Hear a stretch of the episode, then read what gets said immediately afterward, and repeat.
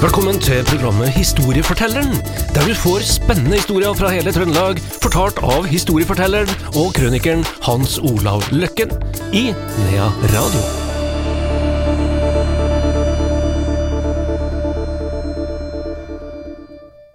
Velkommen tilbake til programmet Historiefortelleren. Historiefortelleren vår heter som vanlig Hans Olav Løkken. Velkommen skal du være. Takk du. Vi skal i dag tilbake til et tema vi har vært inne på før, eh, utvandringen til Amerika, men kanskje med litt annen vinkling. Ja, vi Og skal vi, skal vi kanskje si i starten at det handler litt om hvorfor? Ja, det, det er rett, det. Og, og, og vi blir jo ikke ferdig med utvandringen, heller. Nei, det blir vi ikke. Altså, vi, vi sier jo ofte at vi aldri blir ferdig med krigen. Det er jo sånn, blitt en sånn standardsetning. Ja, du drar jo stadig tilbake til Amerika for å forske videre. Ja, gjør jo det. Så, så, og, og det dukker opp noe nytt hele tiden. Og eh, det er jo sånn eh, når det gjelder, Jeg må bare komme med en liten sidekommentar eh, akkurat når det gjelder krigen og sånn. Nå får vi jo en sånn enorm revolusjon nå om krigshistoria i Norge, for nå er jo arkivene kommet virkelig ut. Altså, Vi har jo ikke hatt noen arkiver før nå, vet du. Sånn at eh, tilgang på dem, da. Og likeens er det kanskje med denne Amerika-saken òg, at uh, vi har vel kjøpt mer eller mindre de argumentene som har vært brukt. Og når eh, du og jeg var liten, så var jo noen svensker som drev og skrev utvandrerhistorier. Veldig sånn romantisk. Du, det, var, og, og de filmene som ble, eh, og dokumentarseriene som gikk på TV-en, henta fra ja, Lille huset på prærien vet du, der borte, som jeg har vært og gjort en historie på. og Det har jo noe med meråkerfolk å gjøre, den skal vi ta senere en gang. Og sånn, Så ble det jo sånn romantisk, og alle var jo så vakre og fine der ute på prærien, og kjolene var fine, og alle var pene på håret og alt sammen, men sånn var det jo ikke. vet du. De hadde verken speil eller, eh, eller klær, omtrent. Så, så eh, vi har fått kanskje inntrykk av at det var bare å dra til Amerika og lykkes, men gresset var ikke grønnere på andre siden, altså. Det var en tøff ting. Først var det tøft å ta avgjørelsen, at de helt tatt skulle dra, og når de dro, så begynte fort tankene om at de har gjort noe feil. Og da er du depressiv, og du begynner med et dårlig utgangspunkt. Og når vi ser på det mest kjente bildet som, som er henta fra utvandringa, og hun sitter og, og, og, hun, eh, Berit Olsdatter Hagebakk da, fra Hoggabakken her oppe ved, ved Medbonden, da, eh, var jo Hårstad da, hun gifta seg med, og det mest kjente bildet fra utvandringen er jo når hun sitter utafor jordhytta si, da. Sitter på en stein og ser hjem til Selbu. Det var vel den uh, største høyden hun kunne komme opp på, den var vel én meter, eh, noe sånt. og, og, og, det er et utrolig bilde som viser hvor tøft det var når hun utvandra i lag med kallen fra Selbu, og var 57 år. Da var du gammel. Da var du gammel for å begynne å utvandre. Spesielt hvis du ikke hadde med da neste generasjon. Noen som kunne ta vare på ikke sant, ungene. Men de dro altså over. Og bygge seg jordhytte, og der blir hun sittende 92 og dør. For mannen døde omtrent med en gang de kom til, kom til Amerika, men hun sitter der i ei jordhytte ute på prærien. Jeg har vært der, på stedet, og, og skrevet historie om henne da. Men la vi gå litt tilbake til dette med generell utvandring. I eh, 1814, da vi ble selvstendig nasjon, så var vi 888 000 mennesker i Norge, pluss minus 10 000. Jeg bruker 888 fordi det er et utrolig lett tall å huske. Så begynner jo utvandringa på en måte i 1830, og de fleste regner da utvandringstiden fra 1830 til 1930, altså en hundreårsperiode. Mens han Mørkhagen og, og, og, noen av de virkelig flinke som har tatt for seg det, de opererer faktisk alt fram til i dag. Sånn at uh, i mine bøker så bruker jeg at det utvandra 858 000, mens Mørkhagen har jeg sett har brukt en million. Men det er klart det blir mye mer når han har et lengre tidsperspektiv. Men hvis du catcha hva jeg akkurat sa nå, at i 1814 var det 888 000, og så utvandra det 858 000, da skal du ikke ha stor intelligens til å skjønne at alle dro til Amerika. Absolutt alle dro til Amerika. Men sånn var det jo selvfølgelig ikke. Fordi da utvandringa virkelig tok fart, den tok jo fart etter borgerkrigen, etter 65. Vi hadde litt utvandring på 50-tallet, og så kom krigen, der borte, og så begynte utvandringa. Men det er masseutvandring. Og da, på den masseutvandringa, skjer jo samtidig som vi får kontroll på sykdomssystemene i Norge, ikke sant? Her. Flere overlevde. Store ungeflokker. Splitting av gårder. Splitta hvor husmann kanskje var bror til han odelsgutten, osv., osv. Så, videre. så det ble veldig med folk. Og i 1930, altså da på mange måter utvandringa slutta, så var vi 2,3 millioner mennesker i Norge. 2,3 millioner. En enorm økning med folk. 52 millioner utvandrere fra hele Europa.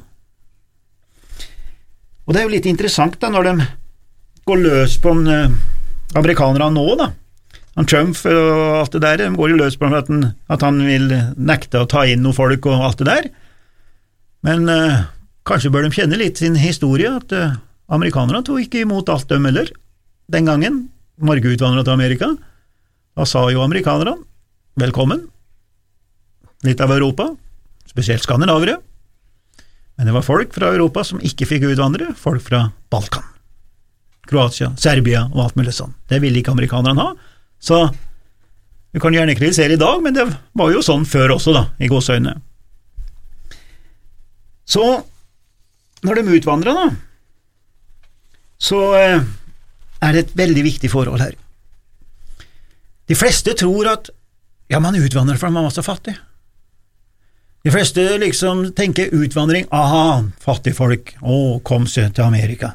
Det var jo utrolig få fattigfolk som dro til Amerika, i hvert fall til å begynne med. Og det har sin årsak med at de første som dro, var jo selvfølgelig sånne som meg og det, Andreas. Ungkarer i gåseøyne. Vi er ikke ungkarer nå, altså, men vi har vært det. Har vært det.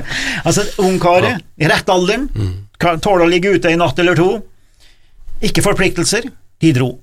Kvinnfolk kunne ikke dra. Det var både farlig for dem, og, og, og, og, de var vel kanskje ikke fysisk sterke nok til å tåle visse uh, trykk uh, der borte heller. Så de dro mer i flokk, da. Så begynner de bemidlede å dra. De som kunne skaffe penger til billetter etc., etc., hadde noe å selge i Norge, og fikk seg en slant, og kom seg i hvert fall til Amerika. Men så blir det på en måte en revolusjon når det gjelder utvandringa. I det øyeblikk vi går over fra seilbåt til damp, da skjer det en total forandring. Da kunne fattige folk komme seg til Amerika. Ja, hvorfor det? Jo, det er så enkelt som at seilbåtene de gikk tomme til Amerika, de. For de gikk til Quebec. De fleste som hører på nå, har sikkert hørt at de, den store utvandringa gikk til Quebec fra Norge, til å begynne med. På 1890-tallet så begynner man å bruke Rhode Island og, og, New York, ikke sant, men før der så var det til Quebec i Canada. Og det var fordi at båtene gikk til Quebec. Og båtene gikk til Quebec for å hente tømmer i Canada og bringe til Europa. Hva i all verden skulle bringe tømmer fra, fra Canada til Europa, man måtte ha nok tømmer her, men det var ikke det, altså. Det gikk fullt av båter fra Canada til Europa med tømmer, og så gikk de i gåseøynene tomme tilbake til Canada. Da laga de her rederiene i gåseøynene et system, sendte agenter oppover hele Trøndelag og Selbu og Gauldalen og alt mulig og sa vi, nå kan dere bli med oss for 30 dollar på et seilskip, og vi går tomme til Kvibekk. Og Derfor så fikk de fattige i gåseøyne råd til å dra over, da.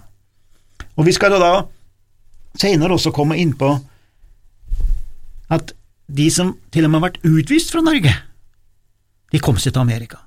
Det var jo en del, ikke, ble ikke utvist fra Norge, altså, i den forstand, men ble utvist fra plassene sine i visse bygder som vi skal komme inn på senere. De hadde jo da bare ett valg – dra til Amerika. Så plutselig var det en enorm åpning å komme seg til Amerika. Så er det de som ikke lykkes, da. De hører ikke så veldig mye om. Vi hører om de som lykkes, og som har gjort det bra, men det er jo de som Det var mange ulykker. Det er, ikke, det er ikke ufarlig å dra til Amerika midt på 1800-tallet.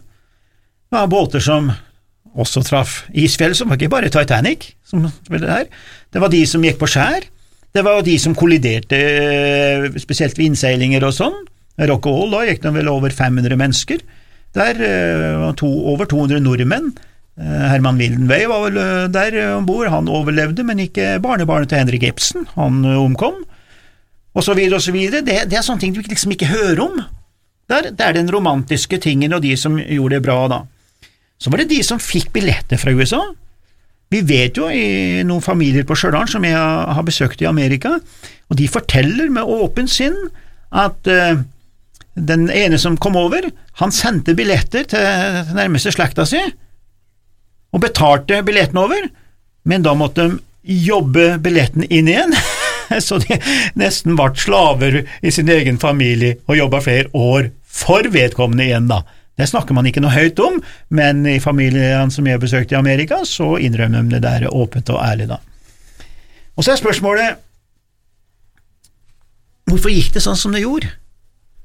Det er klart, første generasjon de hadde tøft, det, det tror jeg de fleste hadde det. Eh, det er vel litt sånn overdrevet at de fikk acres, at de skulle få 620 acres, og sånn, og det er noe som heter Homestead Act av 1862, som Abraham Lincoln ordna på. Det er jo derfor alle nordmenn ble republikanere. Det, det finnes omtrent ikke en demokrat i USA mm. som er norsk avstamning, kanskje finnes en eller annen avart, skulle du si, men det er jo uh, republikanere, fordi at Abraham Lincoln var republikaner. Og da, Det var jo folk som utvandra fra Meråker, de stakk jo av fra Meråker for å slippe militærtjenesten, og så ble de dratt inn i borgerkrigen i, i, i statene, heter det seg, men uh, de har jeg også sjekka litt på, for dette er familier jeg kjenner i USA, og de sier da at de ville betale tilbake til Abraham Lincoln. De meldte seg frivillig som en takk til, til uh, USA for at de fikk komme, og, og de skulle jo få acres, og de skulle få 100 dollar, og krigen skulle være over på ei uke som varte i fire år, og er en av de styggeste kriger verden noen gang har sett. da, her. Så de bommer jo totalt der, da.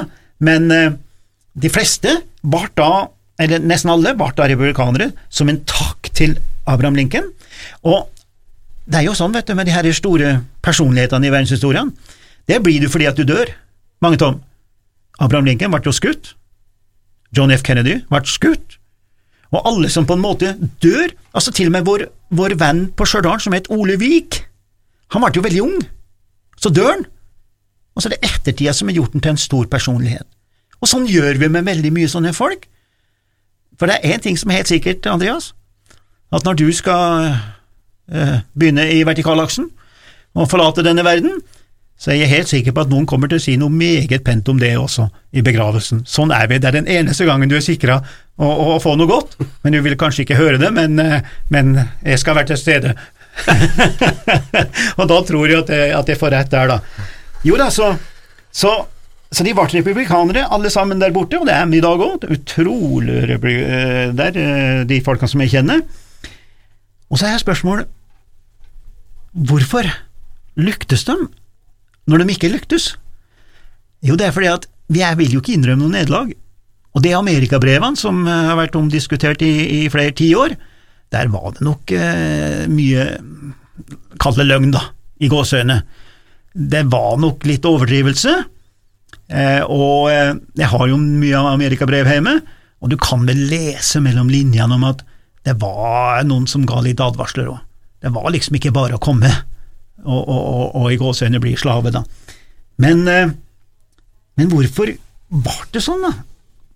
Hvorfor, hvor, hvorfor, hvorfor, sitter vi med inntrykk av at de kom til The Promised Land, som var et enormt slit, og som var fare rundt neste sving?